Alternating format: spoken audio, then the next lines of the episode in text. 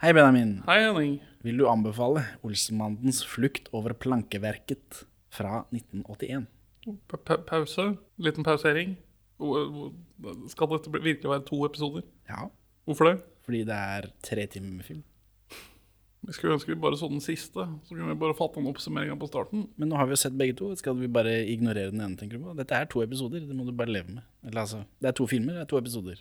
Sier Det er jo ikke to filmer. Det er det. Det er jo ikke to filmer.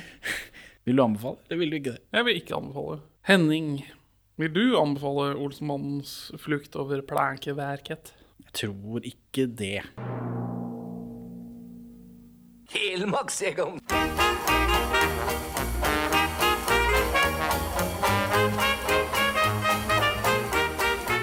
Perla for svin.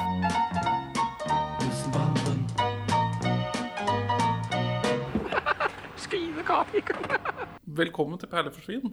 Podkasten for deg som nekter å tro at danske Kjell og danske Benny ikke skal klare å løfte Egon selv om han er i litt bevegelse. Vi er to middelmådige menn i 30-åra som ser norske filmperler. Men i dag så har vi sett en dansk film. Vi har sett Olsmannen, film nummer tolv i Danmark. Ja. Men før vi begynner med dette, Benjamin, jeg har noe her. Dette er en forseglet konvolutt. Den er forseglet med perleforsvin-seilet. jeg bare knitrer litt med, så folk hører at det faktisk er noe. Den, eh, jeg legger den, eh, legger den her imens. Du trenger ikke, den skal ikke åpnes, den skal bare ligge der. Oi, så eh, veldig Hitchcock-aktig av deg å gjøre. Ja, Vi bygger, bygger stemning her. Åh, Egon var det dog skide godt å se deg igen. Det er deilig. Liksom det pleier være. Hvordan har du det? Ikke godt. Vi i dag befinner oss i en um, unavnet eh, opplæringsinstitusjon i Oslo-området, men i et mer ræva rom enn vi pleier å være i. Ja. Så hvis det går ut over lydkvaliteten, så, eh, så er jo det trist for alle. ja. Men sånn er livet. sånn, er, sånn er livet. Olsmanns flukt over plankeverket er jo halvparten av en enorm Olsmann-film.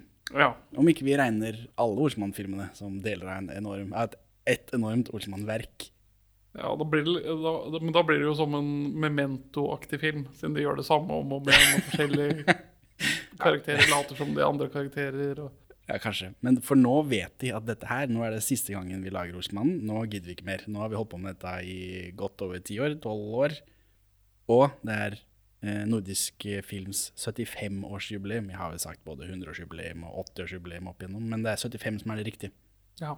Det er i 1981, og for å liksom virkelig feire det, så lager de to Olsmann-filmer som de slipper i 1981. Det er én sånn etter sommerferien, og så én rundt juletider. Nei, nei den, den, fra hva jeg leste, så var det slippes den første i oktober og den andre i desember. Det går ikke langt nok tid imellom dem til at den, de første ti minutter og den andre skal Nei, men sommerferien slutter ikke i oktober.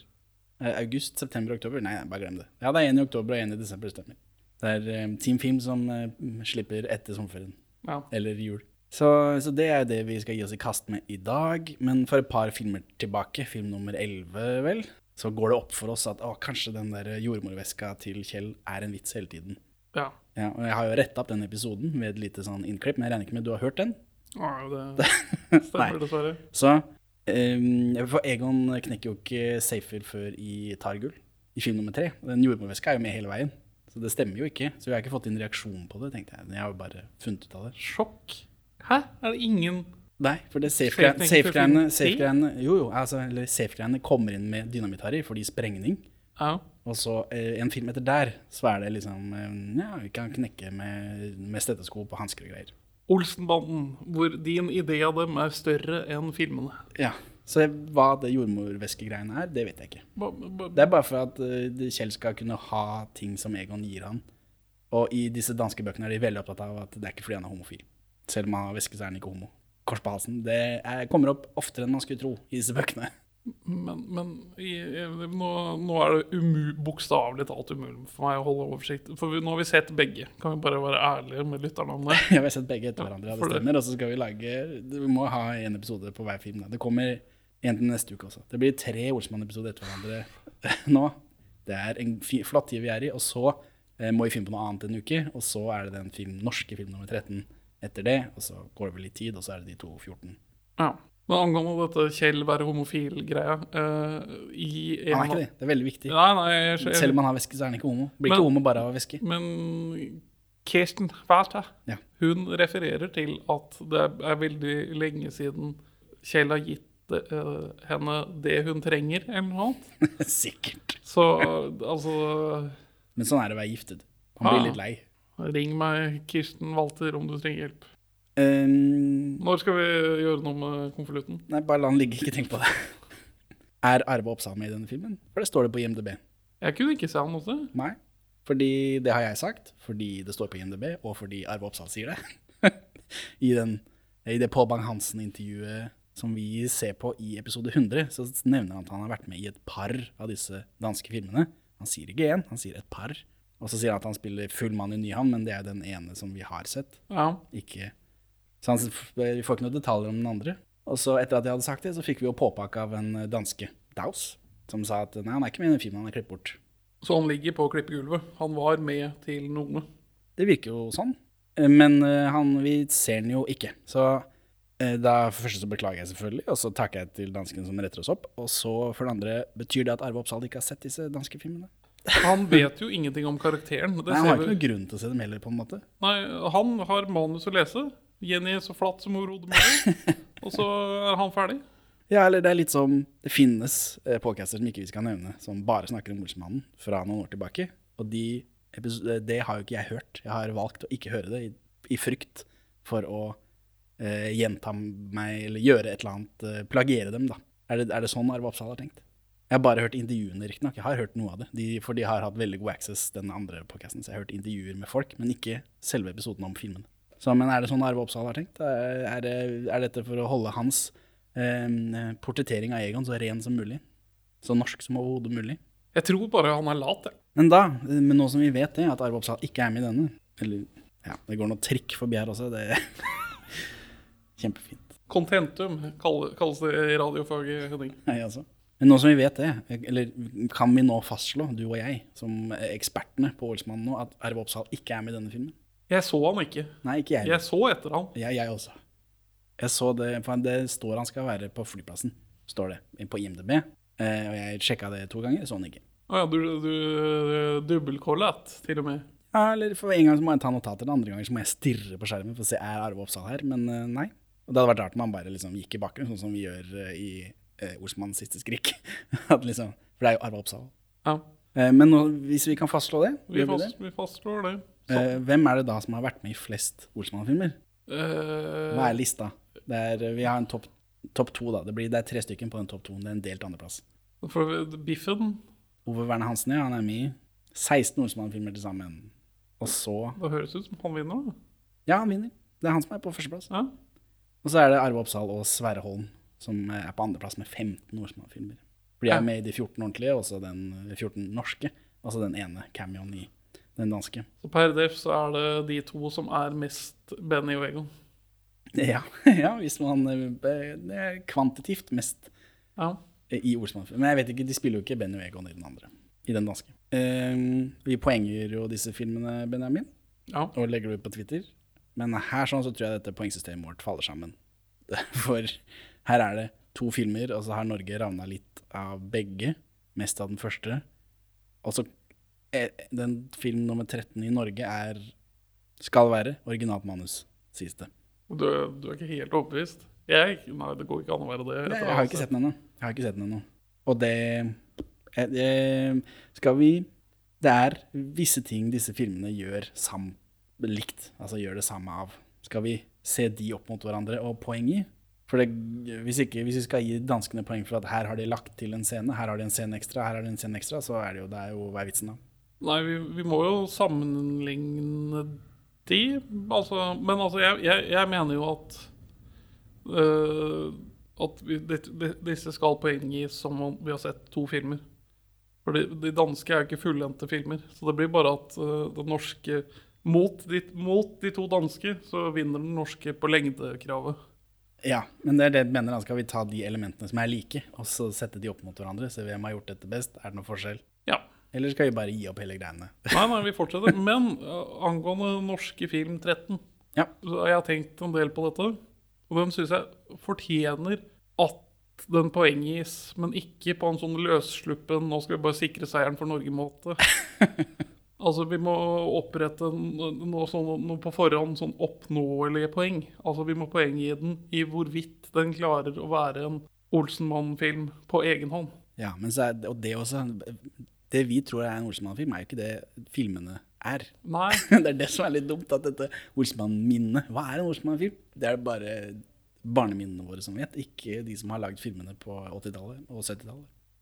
Men eh, det, vi får ta det når vi kommer til det. men så Bare fair warning, dette eh, poenggreiene begynner å bli meningsløst. Ja, men må Men opp til nå har det sånn tålelig fungert, syns jeg. Ja, Men hva syns du om mitt forslag, da? Å gi den norske nummer 13 poeng ut ifra hvorvidt den fungerer som frittstående Ja, ja. Kunne dette, Spørsmålet er kunne dette vært en dansk Olsmann-film. ja altså, noe må vi gjøre, på en måte. Det, for nå For jeg, eh, for jeg må vi tenker gjøre noe med poengene. enten fem eller ti maksimalt poeng. da. Altså Hvis det er en helt fungerende Olsmann-film som også kunne ha vært lagd i Danmark. Ja, du vil anmelde det på en skala? Du vil ikke ta elementer og poeng i, sånn som vi har gjort? Nei, for det, da blir det fort for mye poeng. du er redd for at det, Jeg er redd for at vi sope inn her og vinne? Yes. Ja. Men som sagt, poengene det er, bare, det er bare noe vi gjør for at det skal være gøy podcast. Det betyr ikke at den, ene, at den som har mest poeng, er den beste filmen. Nei, det er jo, Det er jo en separat avgjørelse vi tar. Det er jo et forsøk på kvantifisering på et vis, da, men det, jo, det, det vil jo ikke kunne gjengi det kvalitative. Nei, nettopp. Helt riktig.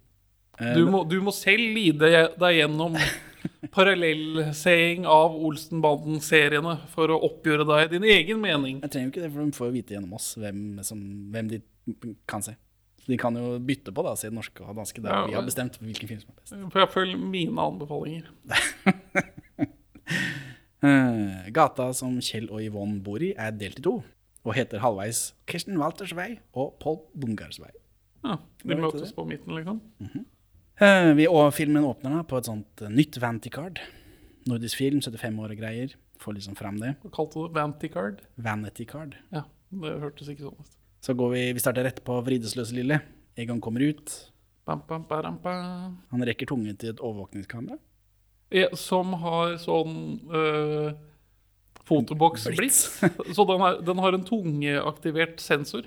Jeg vet ikke, det var Jeg trodde det skulle komme trodde det skulle komme tilbake, at dette er en sånn teknologifilm sånn som vi har sett før, men nei, det er ikke mer eh, av dette. ja, det, Den bruker vel kanskje bare som sånn, øh, et frampek til at det har skjedd en endring i fengselet. da, Kanskje. Som vi får vite senere. Som vi allerede vet, for vi har sett den norske filmen. Den norske filmen er en shot Ja, shot det, remake av halve. det kan hende, men i den norske så er det ikke det kameraet, tror jeg. Nei, det ble for dyrt. det. Mm, De kunne bare tatt, de kunne bare tatt inserten fra Danmark. Jeg tror ikke vi ser Egon i bildet med kamera. Det. Benny og Kjell er, er ikke der, men de kommer råkjørende. Eh, og så får vi sånn musikk som om alt er rett i verden. For dette er, det er en veldig avsluttende følelse på hele dette greiene. Ja, Dette er et gave til de hardbarka fansen. Hva er det som ligger i den konvolutten? Henning? Ikke slutt å nevne det, for det er ikke sikkert det kommer opp i denne podkasten. Det kan hende komme opp i den neste. Kødder du med trynet mitt? Ja, men vi skal jo sitte her, da. Så du må slutte å nevne det. Jeg kan bare legge det her imens.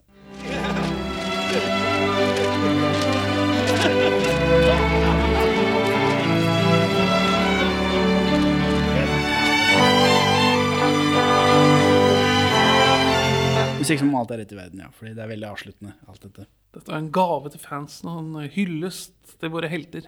Ja, eller de går jo ut med eh, Kall det et smell, da. Det er eh, Det det. Vi har jo sett flere ganger før at danskene vet at dette er siste filmen. Men her sånn så føles det liksom enda mer. Eller? For her begynner de, her åpner de filmen med at eh, liksom, Med å, altså varme følelser for våre venner, på en måte. Vi får nyte det så lenge det varer. Så er vi hjemme i leiligheten. Egon har hatt det dritt i fengselet med ny direktør og psykolog og alt dette greiene. Det Egon trekker seg tilbake, han vil aldri mer i fengsel. De truer med å sette ham på psykisk avdeling. Ja, det er noe sånn ha-ha, kriminalomsorgen prøver å være mykere med fangene, og det er bare dritt. Jeg vet ikke, var det Eller altså, det psykologdirektøren er vel det, men det at de truer med å sette Egon på eh, sånn avdeling, er jo fordi han er vaneforbryter. Og det er noe galt med hodet hans, mener Ja. de. Og Fordi han Og- stadig vender tilbake til kriminaliteten. Eller jeg følte ikke at det var mobbing, at han skulle liksom at At eh, han ville ikke dit, for der er de så snille med pasientene. Nei, Det er vel kanskje en vits på filmens format, da, at eh, han ryker inn og ut hele tida. Kanskje. Kjell og Yvonne har sølvbryllup. Yvonne ønsker seg pels. Dette blir det aller siste kuppet. Etter dette skal de leve lykkelig alle sine dager. Det er det film nummer seks, hvor det står på slutten 'De levde lykkelig alle sine dager'. Så de prøver igjen, da. Yvonne kommer og maser om sølvbryllup. Søstera hennes hadde sitt på Oslobåten. Det stemmer jo ikke, det er jo danskebåten, heter det. Ja. Eh, Svogeren brakk beinet da han prøvde å stå på ski.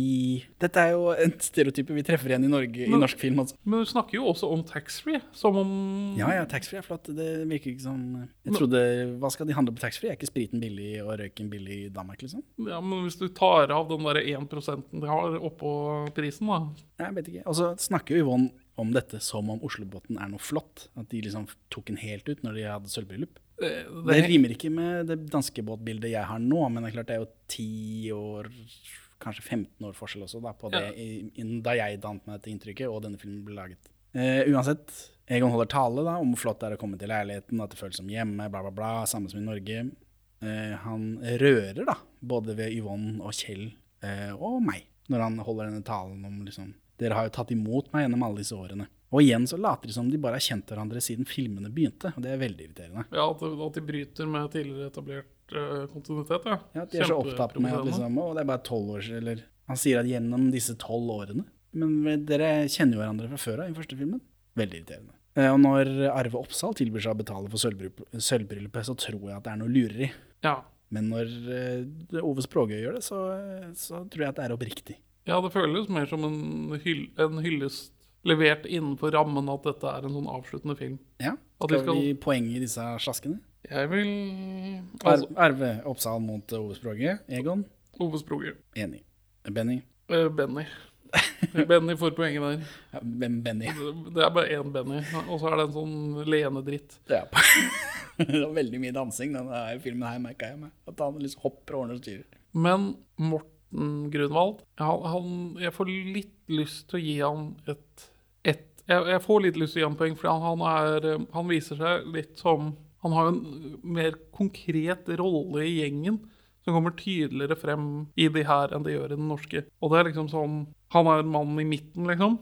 Og så er han da også kanskje bandens hjerte. Var ikke det Børge? Jo da, jo da det er Børge, men noen Men, men eh, fordi vi er- vi har den der greia som går igjen noen ganger, men ikke alltid. Hvor, eh, Det beskriver egentlig alt Jordkjellvann. hvor eh, Egon og Kjell krangler, og så er det Benny som fikser det. Ja. Men eh, her, her er det òg veldig tydelig at når, når de har uskyldige ofre for sine handlinger, så tar Benny og retter opp det etterpå, sånn at vi ja, sånn at ting går bra, eller sånn at liksom, mannen i gata ikke skal lide. Ja, litt menneskelig må vi jo være, svarer han på kritikk. Og det, det syns jeg er fint. Ja. Det, det er et, det, er et karakter, det, det gir Benny litt mer karakter. Gjør, gjør han det i de norske i samme utstrekning? Nei, ikke som jeg har lagt merke til. Nei? Eh, ja, så Poeng til begge, da? eller? Ja. Kjell. Jeg ser, um, ja. Nei, det er jo bare én Kjell også. Det stemmer. Ja, her også er han fæl. Ja, men samtidig uh, så har han et sånn, en sånn greie hvor han tar opp flere ganger at det er urettferdig at Egon og Benny bare slipper unna med det. Han må hjem til Yvonne og være redd og ha angst. Alt- Ja, men det er jo fordi han og Yvonne ikke kommuniserer så godt, kanskje. Eller fordi han ikke får fram at eh, når du sier sånn til meg, så da blir jeg redd og får angst, Yvonne. Og så sier vel hun kanskje ja, slutt med kriminaliteten din, da, men det er jo alltid hun som syns det er greit til slutt. Altså, Egon kommer med en plan, eh, Kjell sier hurra, hurra. Yvonne sier nei, nei, det her får du ikke lov til å være med på. Og så sier Egon ja, men det er masse millioner og greier. Ja, da må Kjell være med. Her er det dette ekteskapet deres. Har Er det muffens? det er noe De trenger nok litt parterapi. Så poeng til Norge, Yvonne, da. Dette, ikke denne filmen, men neste, er første gang Yvonne er med på et kupp. Aller siste filmen er første gang hun faktisk gjør noe. Mens i Norge så har jo, har jo Valborg vært med. Tidligere klippet noen ballonger og noe greier. Ja. Så jeg vet ikke Eh, I disse filmene, hva med i disse filmene? Nei, jeg, liker, jeg har blitt veldig glad i Yvonne etter hvert, da. Men over Valborg? Jeg føler ikke at Valborg er noe sånn spesielt dårligere. Nei, men jeg, jeg syns Yvonne kanskje er, er en litt tydeligere karakter, da. Selv om, uten å ha gjort det med vilje, så har Aud Schønemann klart å gjøre det til sin egen. Da. Så jeg vil, jeg vil også kanskje i forbrødringens ånd, som Benny, gi poeng til begge. Ja, ja det er greit, det. Og så er det, det Holm, da. Og Jensen Hermansen. Holm igjen. Denne syrlige, sinte tonen til Øyvind Blunk. Det Det funker så mye bedre. Men, og det er akkurat de samme linjene og akkurat de samme liksom, tingene man gjør. Og likevel så blir det liksom bedre. Det er, eh, det er spennende å se at det går an når ingen andre gjør det. Ja. Og så er det Jensen, han kan jo bare dra til helvete.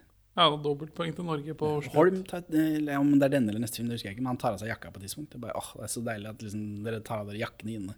Men lua beholder dem, da. Jensen har på seg jakke og lue hele veien. Kjempeirriterende. Så er det dette kuppet, det er Høye Nord, forsikringsgreiene, samme. Og så får vi se Bøffen. Og Egon nevner at Høye Nord har pneumatisk brevpostanlegg. Dette er ikke med i Norge. Nei. Bøffen. Bøffen mot biffen. Det står Bøffen på IMDb, så han heter det, men jeg kan ikke huske at de har sagt det. Nei, de har jo faen ikke det. Jeg, jeg, jeg tror ikke det. Jeg har ikke oversikten lenger, jeg, men jeg kan ikke Deskriptivt navn, da. Ja. Og det heter Biffen i Norge. Jeg vet ikke om de har kalt den det heller. Eh, ja, poeng Bøffen. Poeng Bøffen? hvorfor det? Fordi han, er, han hører hjemme i den filmen her. Men det er jo samme karakter. Ja, men han hører hjemme i den filmen. Han har ikke bare klippet inn. Ja vel. Jeg håper å si han har jo mer å gjøre, men jeg vet ikke om det har jo alle her, fordi den filmen her er dobbelt så lang. Det har vi glemt å, å, å gi poeng for. Eh, danskene, med disse eh, recapene og frampekene Den filmen slutter jo med eh, klippshow av neste film, mens den neste filmen åpner med klippshow av denne filmen. Eh, med dette så er det De danske filmene er 1 time og 40 minutter ganger to. Begge filmene er 1 time og 40 minutter. Mens den norske er 1 time og 41 minutter. Så den danske er da 3 timer og 20 minutter lang. Ja, Så det er poeng til Norge. Det er utvilsomt. Så da har vi tatt det. Og Bøffen, du mener danske Bøffen skal ha poeng, altså? Ja. Inne i Høye Nords postrom så er det rockemusikk, og så er det en fyr som sender brev rundt da, i sånn pneumatiske rør. Sånn som jeg og, og Kajsa så i uh, Jakten på Nyrsteinen. ja. Der har de noe lignende. Poeng dette, for dette er mer. Ja, men er det, var det det vi ble enige om på begynnelsen, at vi skal gi for mer fordi denne filmen er tre timer lang? Ja, men altså, for, for dette, er jo, Alt er dette, dette er jo en sekvens som er gjengitt i den norske, men som er da Det er ikke post i, Nor i Norge. Nei, nei, men altså dette Dette en- med, Dette greiene med å bytte om avisen og sånt er bare forenklet til Norge. Det er ikke sånn at dette er en helt ny seksjon. Det er bare Ja, altså her, I Danmark så er det Det er et sånt kupp for, å få eh, banden inn på det postrommet og helle kaffe i postrøret som går opp til han direktøren, og så får han direktøren ned på buksene, og så må eh, sekretæren hans håndtere det. Mens i Norge så er det Karsten Byring i isbjørnskinn. Det er liksom det hele. Dette her er kanskje 20 minutter av den danske. I Norge så er det Karsten Byring i isbjørnskinn. Eh, Så du vil jo sette disse to sekundene opp mot hverandre. Man må jo nesten det. Men det blir sannsynliggjort da, at det, noen jeg kjenner, kjenner de som eier dette isbjørnskinnet. Det er sant. Det er sant. Det, er, Det dukket jo ikke opp i Danmark. Nei, jeg ble overraska, fordi den, den, altså den logoen til Høye Nord er jo logoen til Nordisk Film, så da regna jeg med at den isbjørnen selvfølgelig tilhørte Nordisk Film. Men det viser seg at det er nok ikke faktum. Kanskje det er Knut Boven som gjør narr av nordisk film? Det var jo ikke noe gøy, så det føltes ikke sånn ut. Det var ikke ertende på noen måte, det var bare eh, sånn treåring-plott. Ja. Treåringhumor. Nei. Så jeg vil, jeg vil, jeg Du vil gir den sekvensen her poeng over Karsten Byring i isbjørnskinn. Ja, altså, det, det, det- Luring i Isbjørnskinn øh, fortjener et eller annet slags surrealismepoeng, da, men det, dette er jo mye bedre og mer dynamisk og spennende. Ja, I Norge så er det også den hvor de stjeler den, eh, det kameraet i den fotoboksen, og så tar bilder inne i hvelvet for å holde opp over kameraet. For Ja. i Norge så er Alf Mallan og Hans Kølle en sånn vaktmann som ikke er med her. ja. Så det, bare, det må også inni der, da. ja, for jeg liker jo det der fotoboksgreiene, for det er jo sånn gjenbruk av noe Olsmann-greier. Ja, det, Og det, det- rimer. Det rimer. Nei, nå, nå ble, da, ble, da ble det fort litt vanskelig. Vi kan gå gjennom det de gjør i den filmen her, da, så bestemme oss etterpå. Direktør Bang-Johansen eh, får post fra dette eh, rørrommet, ja. Det er han Bjørn Watt Bolsen, som vi ikke liker. Ja, Poeng til den norske varianten. Ja, for i Norge så er det Alf Nordvang. Det er jo Storslått og flotte greier, det. han som driver med investeringer som ikke er helt lovlige, bla, bla, bla, sammen med Norge. På politiet så har Holm fått telefon av direktøren og blitt satt på en sak. Og kriminalassistent Jensen er blitt kalt hjem fra en sykemelding for å hjelpe med denne saken, altså Høye Nord-saken. Men her har han ikke blitt førtidspensjonert her også? Han blir det i slutten av filmen, ja. Men han er blitt kalt inn fra sykemelding. Jeg husker ikke hva som skjedde i siste filmen. Jeg opplevde at han snakka litt om det nå. Han, han, han drev jo surmula av det over at ja, det er etaten fordi- skal være begger og Ja, det er fordi Holm får denne saken med alle disse 100 000 mappene fordi de legger ned en annen avdeling for det skal skjæres. Skjærekniv. Akkurat det samme som i Norge. Nå har de sett dette to ganger. Ja. Husker du ikke? Jo, eller nei, nei. Det, alle filmene er helt like. Og jeg har sett veldig mange av dem. Det, Det parallelliserer Nærmer oss helt slutten. like Nærmer oss filmer. slutten. Hva Eh, Men det er de samme greiene som i Norge. eh, Bortsett fra jeg tror Hermansen er vel kalt tilbake fra noe psykiatrisk sykemelding-greier. Uten at jeg husker det akkurat. Eh, Egon forteller om Hallandsen som skal ta med seg fem millioner til Paris, for han orker ikke presse lenger.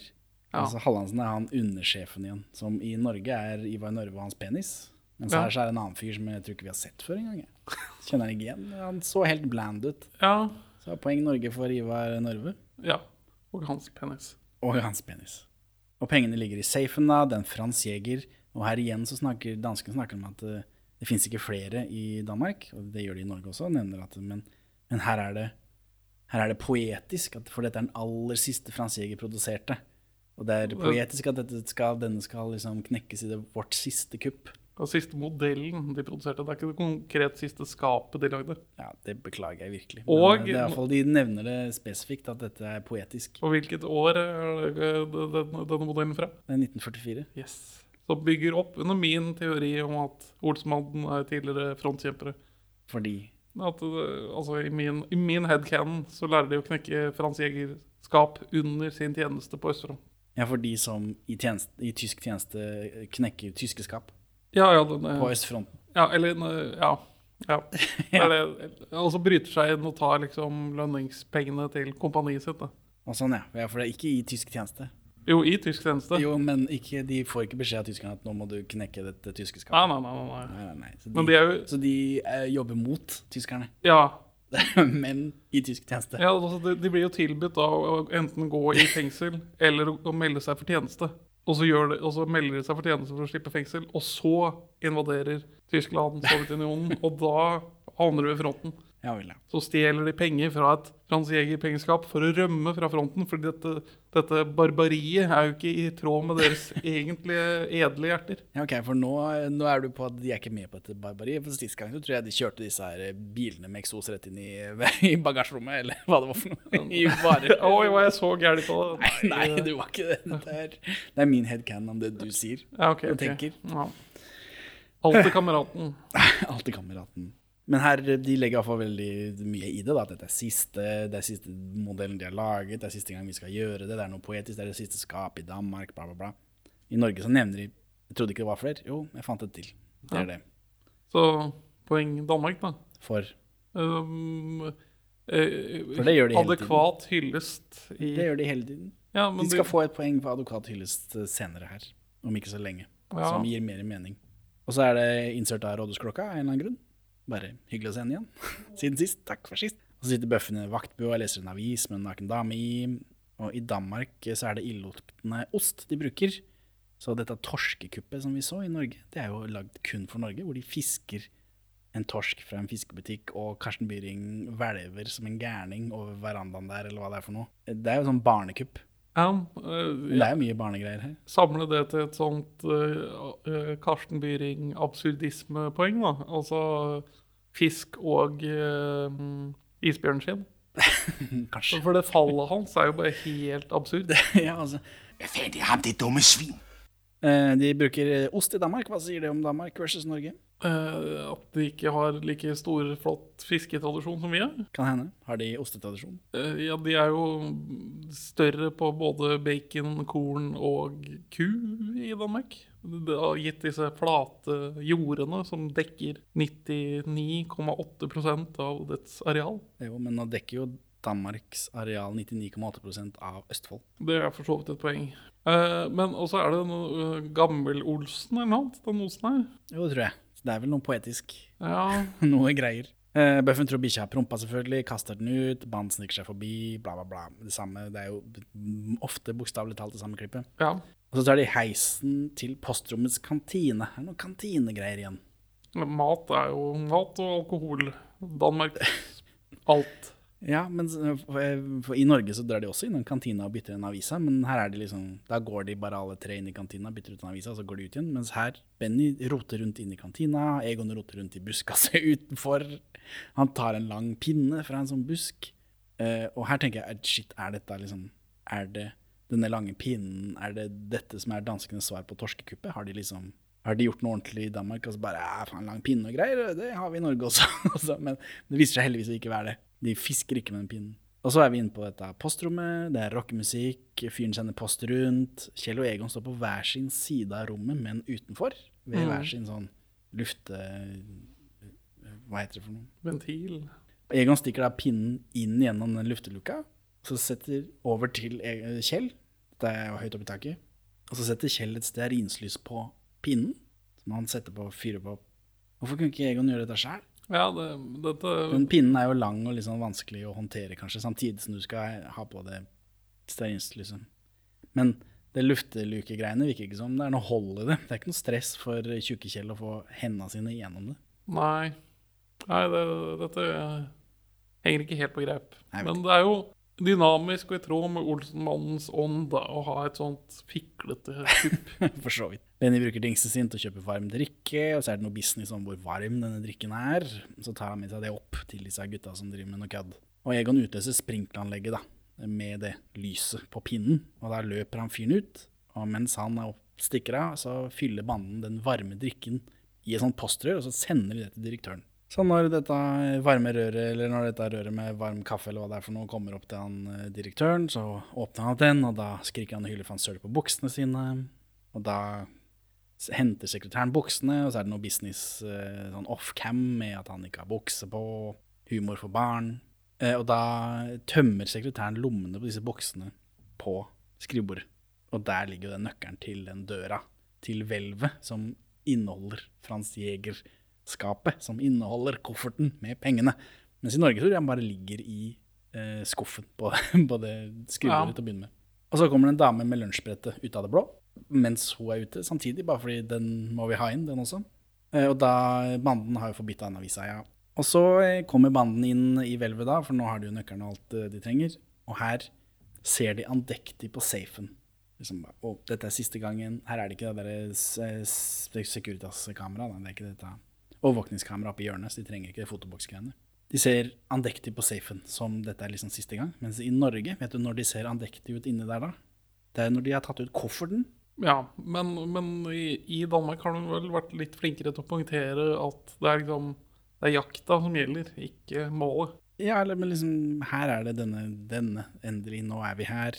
Dette er siste gangen, la oss tenke litt over dette. Mens i Norge så bare, vi har fått penger. la oss ta oss hattene og se andektig ut. Og det, her kan de få dette eh, poenget du snakket om i stad, som, ikke er- som ikke jeg husker hva het. Ja, det føles ikke riktig for meg at eh, Danmark bare skal få ett slikt poeng. Men, Men eh, det er det som er det riktige. Det beklager jeg. Bias Bernhoft her passer på at Norge skal ha seiersmuligheter. Det er faen meg greit. Nei, men det er du som er Bias Bernhoft i andre retningen. Ja, men Jeg bare, jeg bare Jeg legger ned loven. Sånn skal det være, faktisk. Og her kan vi jo poenget i dette med torskekupp og Karsten Byring i isbjørnskinn versus dette alt dette postrørgreiene, søle på bukse Hva tror du? Eh, jeg, vil- jeg vil gi et poeng for pneumatisk eh, rør. jeg. For jeg er så glad i det. Og så vil jeg et poeng for eh, Isbjørnskinn? komplekst kupp til Danmark. Men det Ja. Ja. Og så vil jeg gi et absurdismepoeng til Karsten Byring, som er kombinert av dette fallet og denne isbjørntreffen. okay. Fordi det er bare så sært at det faktisk gir noe, da, selv om det ikke Ja, henger. og før dette banden, norske banden kommer inn i gangen, så henger dette skinnet på veggen. Og så får vi liksom De ser på Karsten Byring, og, og så får vi et nærbilde av ansiktet til Karsten Byring som ser forvirra ut. Nærbilder renner ikke over av i Olsmannen. Nei. Så det brøt liksom veldig bare Hva er dette for noe, tenkte jeg. Hva skjer nå? Og så viser det seg at det er fordi de skal true han til å bruke isbjørnskinn, eller hva faen det er for noe. Eh, Og så burde vi vel gi et generelt poeng til Danmark for at filmen ser, er penere filmet. Eh, Men hvis du mener dette er samme film som neste film, så vil jeg heller gi det til neste film. Ok. Ja, ja, altså- Storslått eh, Paris-bilde, liksom. Ja, og, ja det, det får vi ta når vi kommer dit. Men, men, men sånn generelt så er de danske For de kan ikke få filmene to fotobilder. Nei, de får ett fotopoeng. Ja, men vi jeg vil spare til neste, for der er det jo virkelig storslått. Ja. Her, nå er de jo inne på samme sett, mer eller mindre. Så er det pulver, hansker, stetoskop. Egon knekker safen, de får ut kofferten med pengene. De snakker litt om at tenk at dette er siste gang, bla, bla, bla. Men det er jo innenfor kanskje 15-20 minutter, så vi vet jo at det er ikke siste gang. Men det er siste gang de knekker safe. ja, det er det vel. På utsida da, så får jo denne direktøren for lunsjen sin, blir forbanna for avisa, så da må sekretæren stikke av gårde igjen og kjøpe en ny avis. Og da får de lagt tilbake den nøkkelen. Så det perfekte kupp. Banden feirer bilen. Benny syns det er synd at de er ferdige. Kjell syns det er bra. Ja. Han vil bare leve livet sitt. Han har ikke godt av dette spenningsnivået. Nei. Dør han først av det i virkeligheten? Eh, eh, av alle De tre, de tre danskene, hvilken rekkefølge dør de i? Det kan vi jo ta i den filmen hvor de er døende. Ja. For eksempel. Jeg tror Benny holdt vel ut til nest Ja, til godt over 2010-tallet. Ja, han er vel yngst av dem òg. Ja, det tror jeg. Hvis jeg husker rett. Jeg husker det mest fordi han, vokser, han blir gammel inni det fete, stygge ansiktet sitt, og han ser liksom normal ut. Med grått hår og skjegg. Som er overraskende. Han ligner ikke seg selv i det hele tatt. Han ser tatt. veldig streit ut i de intervjuene. Ja, de, de, når han er gammel gubbe, han ser, han ser normal ut. Ja. Han ser ut som en likende fyr, mens han ser jo ikke ut. Nei, for så vidt Men det er noe danske greier. De kan ikke noe for det, stakkars. Genene deres. Hallandsen og Bang-Johansen oppdager at pengene er borte. Jeg trodde at Hallandsen liksom skulle stikke med de pengene under nesa på Bang-Johansen, men det virker ikke å stemme. Nei, de har en eller annen plan som kanskje ikke Egon har klart å dekode på avstand, tross å ha delt celle med en eller annen fyr. Ja, eller for det inntrykket man får, er jo at Hallandsen han orker ikke mer. Han skal stikke. Han tar med seg svarte penger og stikker. Ja, han har, no han har jo noen nerveissues, finner vi ut. ja, og Bang-Johansen driver jo med, med svarte penger, så jeg trodde at han skulle lure han også, ja. men det virker som de samarbeider her, da. Og så er vi hos politiet. Holm får masse mapper. Det, her forklarer Jensen dette med sparekniven.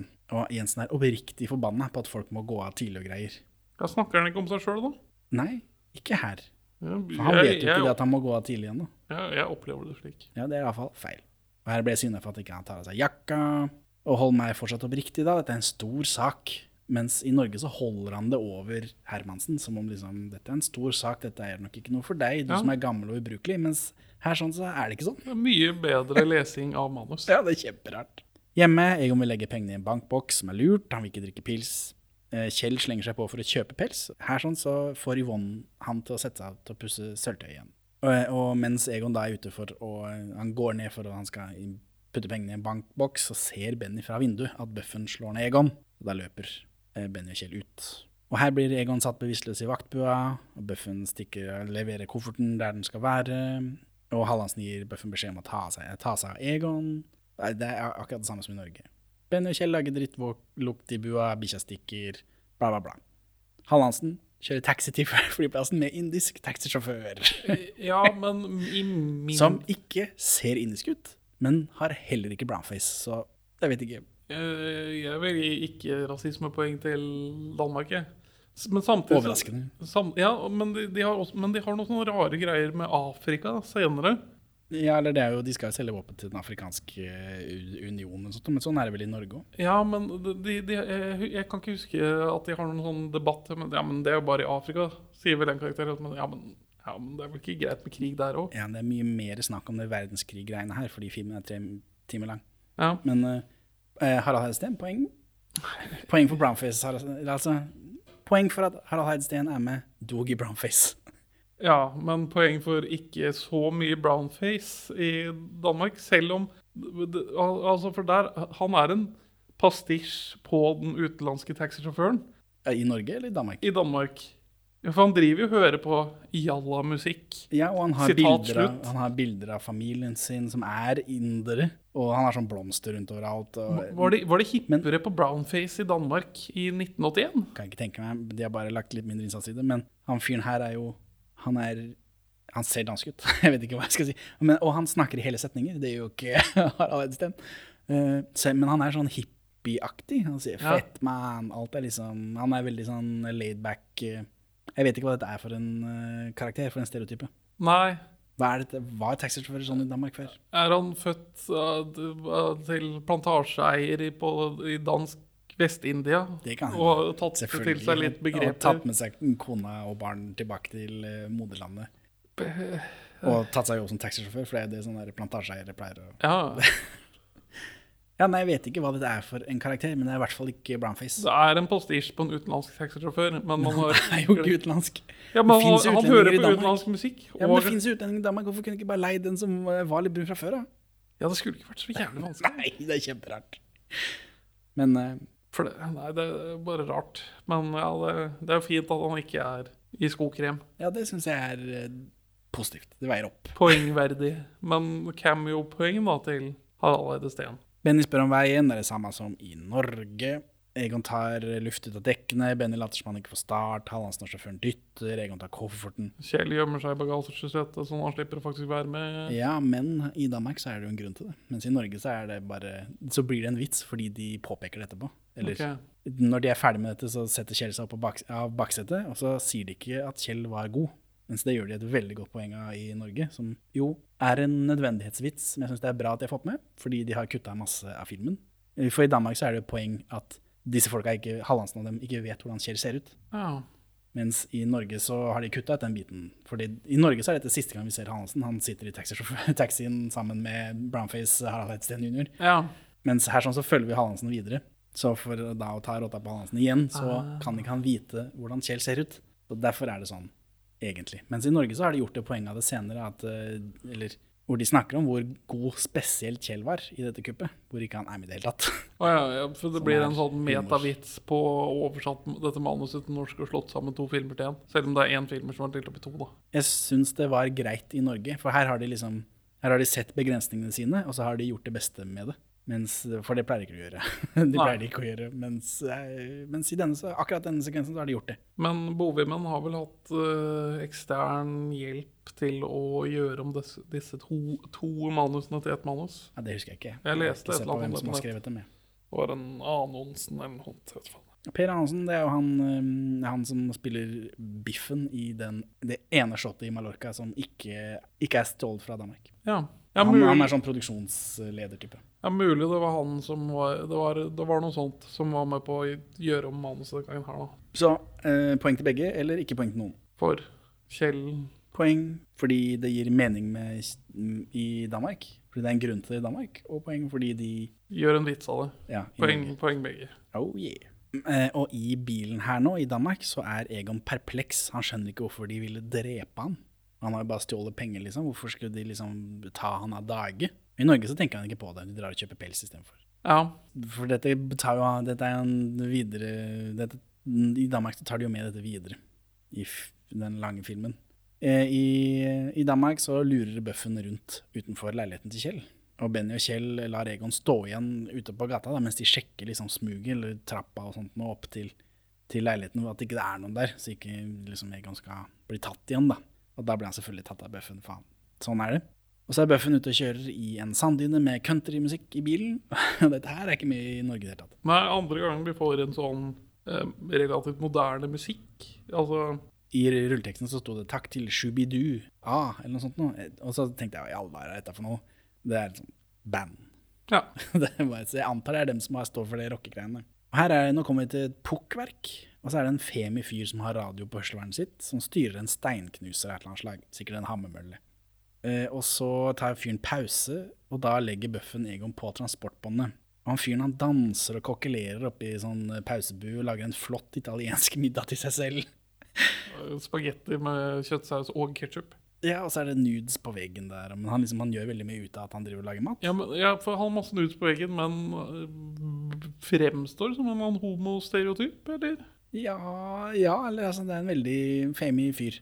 Jeg bare Ja. skriver femi fyr, jeg vet ikke. Vi får ikke se han ligge med en mann. Nei, nei, men vi får, vi får, vi får se han og Bøffen parallelldanse. ja, det er Mens veldig de har på sånn Ja, for det er en sånn hørselverngreie med musikk. Hørselvern med musikk, og så Med har radio, ja. ja. Ja, for det har de her. Kjempesvære antenner. Bøffen bestikker da han fyren med en flaske Ja, vet for han, å starte dette igjen. Ja, vet han fyren at han skal drepe Egon? ja, så det Er dette en side business han Femitasen her har? Ja, jeg skjønner ikke hvorfor ikke Biffen bare kunne starte dette båndet selv, siden han senere bryter seg inn i syrefabrikken og gjør alt selv. Ja. Men det er jo vi, for humor, da. Men han har jo ikke noe problem med å slå folk bevisstløse. Hvorfor, hvorfor bare tar han ikke å skjære av strupen på han, liksom? For det er Olsen Mann-filmer, dette. Det er ikke sånn det fungerer. Men han foreslo vel det i forrige film? Eh, I en eller annen film så vi ja, ikke noe blod det, er Om det er den Men da er det en ekstern karakter som stopper han fra det. Men nå har han ikke fått noen sånn spesialbestilling på Nei, han skal bare få han til å forsvinne. Han forsvinner jo mye bedre, sånn som dette. Jo Han skal bli borte. Han skal forsvinne, han skal ikke bare dø. Han skal bli borte. Femi Tusseladd, jeg vet ikke hva er det man eh, kaller sånn. Han er jo en rar Ja, vi får ikke se han ligge med noen. Han er mas maskulinitetsutfordret. ja. ja, men så styrer han samtidig et sånt der pukkverk. Som er supermacho-ting å gjøre. Ja, så hm, kanskje, kanskje det er filmen som, som leker med våre eh, fordommer. Ikke på siste gang heller. Eh, han får en flaske der for å starte dette båndet igjen. Og Benny og Kjell eh, når Egon. I det, altså de går bort til båndet hvor Egon ligger, når båndet starter. Så da, å, de fikk ikke tak i han. Ja, men det er jo bare å ja, Nei, det- dette kjøper jeg ikke. Nei, nei, fordi nå så rekker Benny å løpe opp i den bua, ta maten til denne fyren, løpe ned, kaste det inn i den hammølla, før Egon kommer dit. Det, Hvor langt er dette båndet? Hva er dette? Dette- Geografien her henger ikke på greip. Nei. Og at de ikke klarer å løfte bitte lille Egon. Jo, men de fikk ikke tak i ham. han Ja, men de, de, får, de, får jo tak. til å stoppe han etter hvert. Da skal Ja, man da klare de holde. Ja, senere så klarer de å holde han igjen på båndet, men ikke løfte han av, så det jo er litt uh... Bare dritt. Bare dritt. Her står da Bøffen han femifyren står nedpå der uh, og kjører dette Hammermølle-greiene, så får Bøffen de samme radiogreiene som han har, og så står de sånn og synkron, svinger og danser. Kjempekoselig. Ja, supermacho-kis og litt mindre macho-kis. Som Ja, macho så står de sånn og dingler. Eh, men dette kunne jo stjålet i Norge. Hele dette er uten dialog. Ja, det, men Men, Men fordi det som skjer nå, er at Benny kaster den maten ned i hammela, og så kommer det ut på det båndet. Det ser ut som Egon det er mosa og spredd utover. Var det bildet litt for voldsomt? For det var litt voldsomt. det var litt voldsomt, ja. Var det, det er Og- derfor de har kutta det? Jeg skjønner liksom ikke han karakteren. Hvorfor han bare sånn Yes, dette er jeg med på. Han får en sånn flaske. Jeg vet ikke om de kjenner hverandre fra før av, kanskje. Det har en sånn ordning, ja, men uh... Buffen har jo tidligere kohabitert sammen med en annen mann. det er faen meg sant. Det er faen meg sant. to. Det er altså en i Norge og en i Danmark. Eh, metaspørsmål. Ja. Eh, pengeglade Knut Bovim, Ja, som jeg tolker, opplever det. det er jo svært få som lager film for moro skyld. Hva får han til å tenke Jeg lager én film istedenfor to. Hva, hva får han til å tenke det? Jeg vet ikke. Jeg skjønner, jeg skjønner ikke. Fordi det finnes gettomåter å lage to Eller så er det dyrt med det Paris-greiene. da. Ja, men du drit al Altså, hva er løsningen på det problemet? Dra, dra til London. Nei. Dra til København.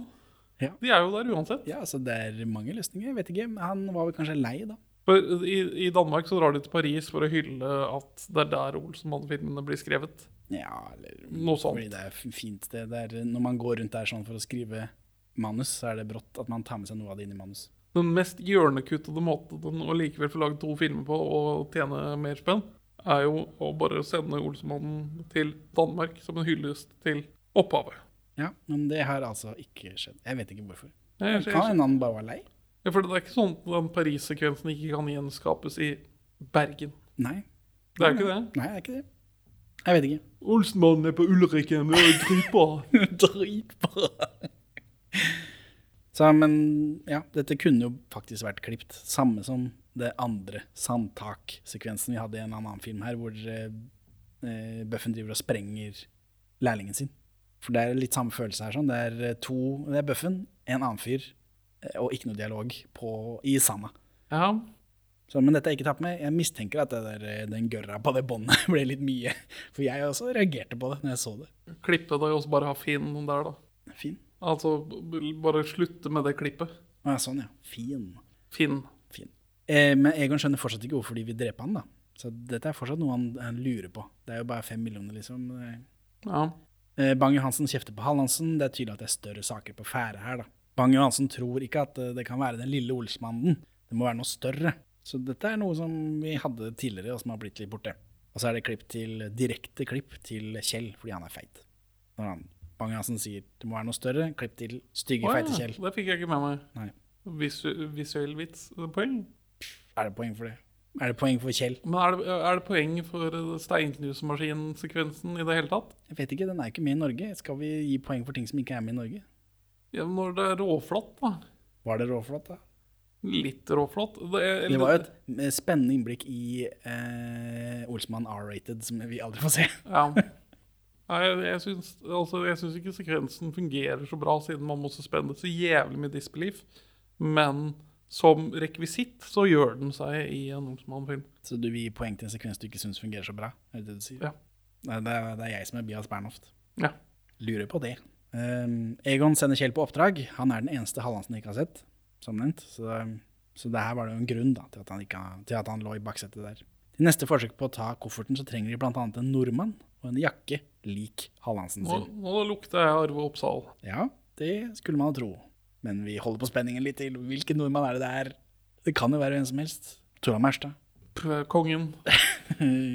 Dronningen. Sigvart Dagsland. De drar til en bar hvor direktører drar med sekretærene sine. Politisk nært. Ja, satire på noe greier. Fint folk. Ja, for Benny legger en prompepute på stolen til en av disse direktørene. Eh, og når han setter seg ned på den, da, så kommer den prompen. ikke sant? Og så det er helt stille der inne. helt stille, alle ser på han. Det er liksom Unntakstilstand, ja. ja, ja. Eh, og mens alle er opptatt med det, da, så tar de jakka hans. da. Og så er det nordmann neste. Hvem er denne nordmannen? Kjente du han igjen? Jeg kjente han veldig enkelt igjen. Hvem er det som vil, ikke vil hjem til Grimstad? Det er Hermansen. Sverre Wilberg sitter full og sliten på flyplassen, ikke i karakter, Vil ikke hjem til Grimstad. Ja, for sånn snakker de sikkert i Grimstad. Men, men var det ikke noe sånt i når norske banden hadde cameo sist? At de ikke ville hjem til Grimstad. Ja. Ja. Hva er det for noe? Gikk danskebåten til Grimstad før? Det var jo det vi gjetta sist, at det må ha vært en eller annen direkterute fra Grimstad til København. Ja. Men jeg vet ikke. Ja, Her skal han jo ta fly, da. Men eh, jeg vet ikke om det bare er Hva er greia med. Grimstad? Throwback. Det er veldig kristent område. da. Så når du har vært i Danmarksfyll, så vil du ikke tilbake til Men bedehuselandet Grimstad. sist gang det var cameo, så var det også noe pornogreier. Husker du det? Ja. Det tror jeg det er her også, for Hermansen har en pose med masse bøker med seg. Og vi Ja. får ikke se hva det er på de bøkene. Nei. Men jeg mistenker at dette er noe pornografi. Da henger det vel på greip, da, siden det er liksom en sånn ekstra kjip og kristen del av Norge. Sånn Grimstad. antitese til Danmark. Han er full da, og sliten. Sitter sånn og dingler over bordet der sånn. Eh, Benny tar ølen hans, som er tom, altså ølen til Sverre Wilberg, eh, og gir han en ny fra baren. Mens han gir den til Wilberg, så tar han også bowlingkortet hans som han har i lomma. Jeg vet ikke hvorfor han skulle bytte den ølen, men det var bare for å være hyggelig da. Ja, men fordi Benny er en good guy. Og så kommer Hallandsen inn på flyplassen. Han er eskortert av bøffen. Og Kjell forstyrrer Hallandsen lenge nok til at Egon får åpna skolissa hans med en sånn lang Donald Duck-klippe. Når Hallandsen knyter lissa si, så bytter Kjell jaktene deres. eh, Og så får vi noen klipp av Tsjekkos plakat med ting som ikke er lov å ha med seg på fly samtidig. Ja. Med gønnere og, og sånt noe. Eh, Kjell skal gjennom detaljdetektoren og er nervøs. Hvorfor det? Eller han er en nervøs type, bare. Er det det? ja. Jeg blir, jeg blir også nervøs når jeg går gjennom metalldetektor, selv om jeg ikke har med meg våpen, bomber eller knark. Det, du kan ha med så mye knark du bare vil. Det går slår ikke ut på metalldetektor. Nei, men det er jo som regel ei bikkje også. Ja. Eh, Men veska til, eh, til Kjell blir tatt, da, til sjekk. Ja, mer jordmorveskegreier. Eh, Hallandsen må lyse kofferten selv om han har diplomatpass. Stemmer det? Nei. Jeg tror ikke det. Har han diplomatpass? Ja, De sier det tidligere. Hm. At han skal dra på diplomatpass. Så da burde han jo bare droppe hele dette Ja, metalldetektorgreiene, spør du meg. Er det ikke sånn der? Jo. Kjell har stetoskop i veska, da, som vi får se. Hurra. Det er ikke noe poeng på det, annet enn at han har rare ting i veska. Hallandsen løser ut detektoren noe jævlig. han blir, han blir manhandla inn på et sånt gjennomsøkingsrom. Ja, men den detektoren også hyler og skriker. Tenk om Ja. har glemt fem kroner i lomma, da. Altså, wow! Eh, og Hansen har masse svære jævlig spiker Ja. i, i jakka. Det er en fyr, som politifyr som sjekker passet til, til Kjell, og så sier han du skal til Norge. Du skal til Norge. No. Så sier Kjell ja takk. Så sier fyr- fyren herregud, da. God fornøyelse.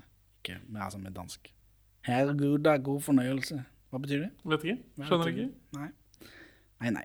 Så finner de en pistol i jakka til Hallandsen. og da tar han den pistolen og prøver å skyte seg selv. Ja. Mens de andre ser på og blir forskrekka. Bare, Stop. This, this will hurt someone. Ja, jeg, jeg vet hva det er.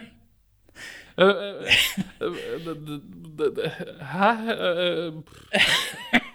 Ja, Kanskje like greit at siste gang vi ser norske Hallandsen, er sammen med Harald Hødsten i Brownface.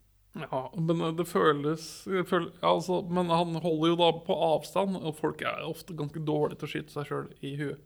Jo, men vi ser på Olsmannen, og han skal skyte seg selv i hodet mens eh, disse vaktene rundt er forskrekka. Fordi de nå skal bli vitne til et selvmord. Ja. Så viser det seg at det er en vannpistol. Flaks for filmen. Det er siste gang vi ser han også, for han blir jo sykesyk av dette. Han svimer av. ja, men han, han sliter psykisk mens han har blitt tatt i det hele tatt. Han skjønner ikke hva det er som hender han. Ja, men altså, han har jo fem millioner svarte penger i lomma. eh, Altså i jakka. Ja, Tror han, da. Men så viser det seg at det bare er masse spiker fordi jeg har bytta jakke. Så han er vel nervøs for det, antar jeg. ja det er sant. det er sant. Tenkte jeg ikke på. Eh, men nei, jeg syns dette, dette, dette var friskt. Dette er en frisk vits.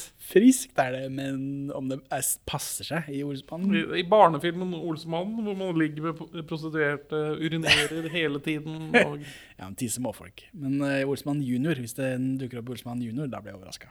Nei, Jeg, jeg, syns, jeg, jeg syns dette er poengverdig. Selvmordsforsøk. Det er, Men det kan være at det er, det er jeg som er en sånn type fyr som syns det er gøy. Ja, det er vanskelig å, å ikke gi poeng for det, for det er så veldig, da. Det er så veldig Det er veldig. og forferdelig. ja, men tenk om det ikke hadde vært vannpistol, da. Kjempegøy. Til Norge. Ja, takk. Her er Gryta. God fornøyelse. Takk, takk. takk. Benny og Egon later som de tisser, og Kjell banker på dodøra. Det virker som den doen har hva heter det, maintenance-inngang fra gatene. og Det er den veien Kjell nå skal inn. For nå er jo han på innsida av gaten, og han skal jo ikke Ja. være der. Det var ikke like strengt i gamle dager. I gamle dager kunne du følge folk frem til gaten. Ja, Men denne døra har ikke håndtak på innsida. Nei. Men den dimsen ordner opp, da. Så det går bra. Benny gir boardingkortet tilbake til Sverre, da, fordi litt mm, sånn menneskelighet må man jo ha.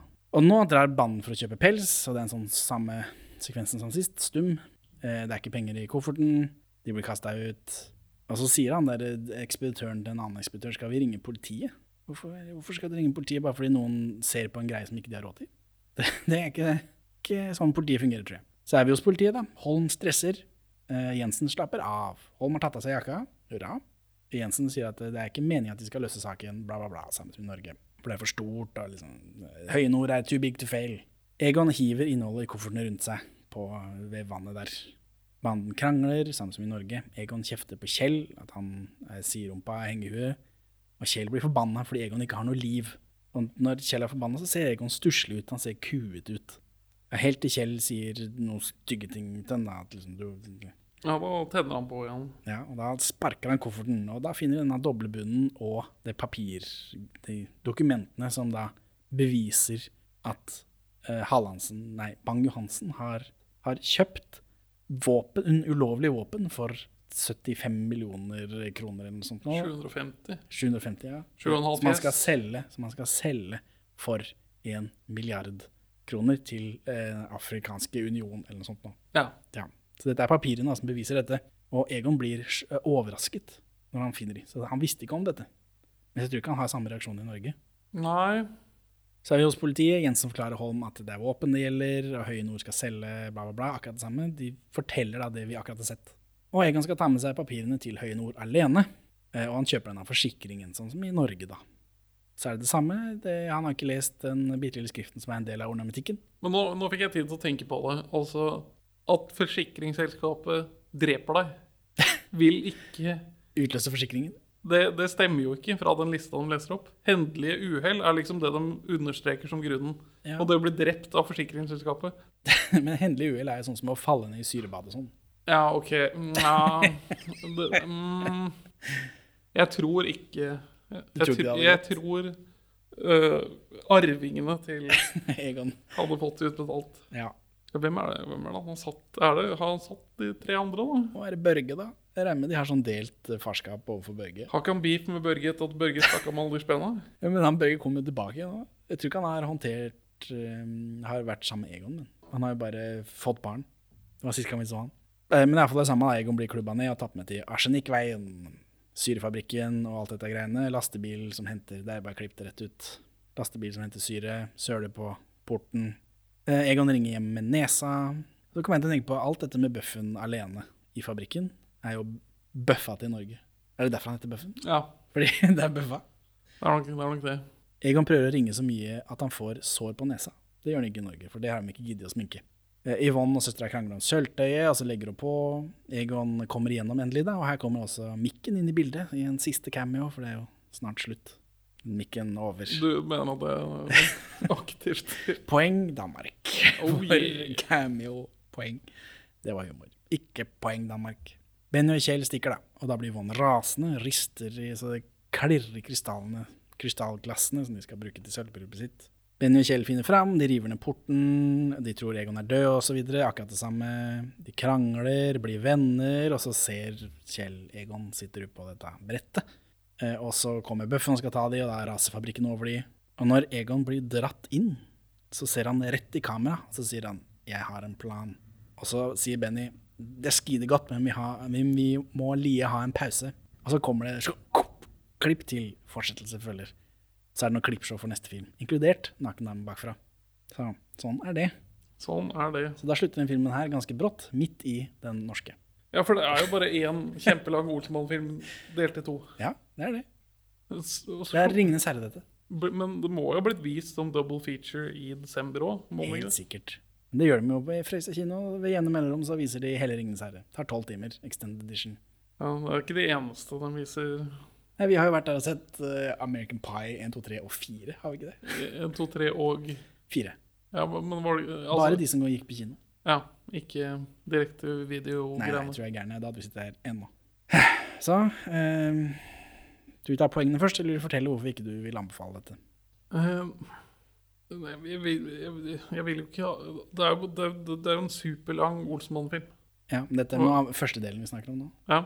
ja nei, nei, dette er ikke en hel film. Ok, Så dette, denne, dette resonnementet gjelder for begge filmene? For jeg vil nemlig anbefale den neste. Å ja. Um, ja, jeg, jeg hadde forventa noe mer storslått enn dette. Og dette svarer ikke til min forventning. Det, det er visse aspekter som føles som en hyllest til den danske Olsenbanden, som vi alle har så kjært. I hvert fall i Danmark. Men, men nei, jeg, jeg, jeg er ikke videre imponert, altså. Så jeg anbefaler ikke. Så Henning, hvorfor vil ikke du anbefale denne? Nei, for det var det er, det er så trangt, på en måte.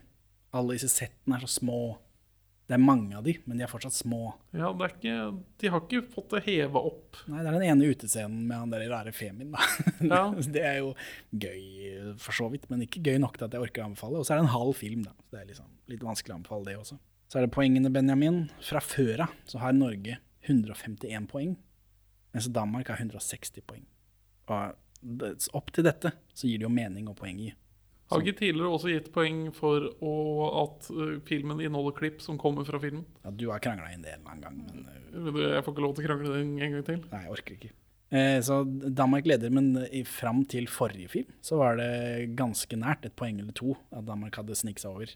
Men i denne filmen så har Norge fått ti poeng, hvis jeg har regna riktig da.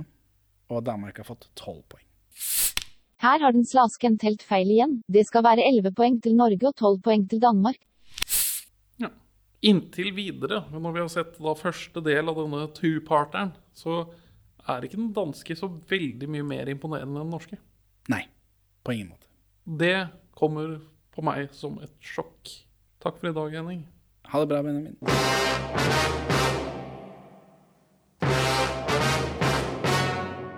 Hva befinner seg i den mystiske konvolutten? Jeg har en konvolutt her fra forrige film. Ja, Du kan åpne den. endelig! Her sitter man og venter. Følg med i neste episode av Perler for svin. Takk for at du hører på Perler for svin. Du finner oss først og fremst på perleforsvin.no, men også på Twitter under perler-for-svin, Facebook som perleforsvinpod, eller du kan maile oss på perleforsvinpod at gmail.com. Gi oss gjerne en eh, rating i din lokale podcast-avspiller, og, og legg igjen en beskrivelse, så folk skjønner hva det er for noe tull vi egentlig driver med. Her er ukas Pål Bang-Hansen-sitat ute av kontekst. vakker er den vel ikke egentlig der den ligger, sementklumpen på kanten. Og man får inntrykk av at arkitekten har tydd til snurrepip, nødløsninger og det her og der.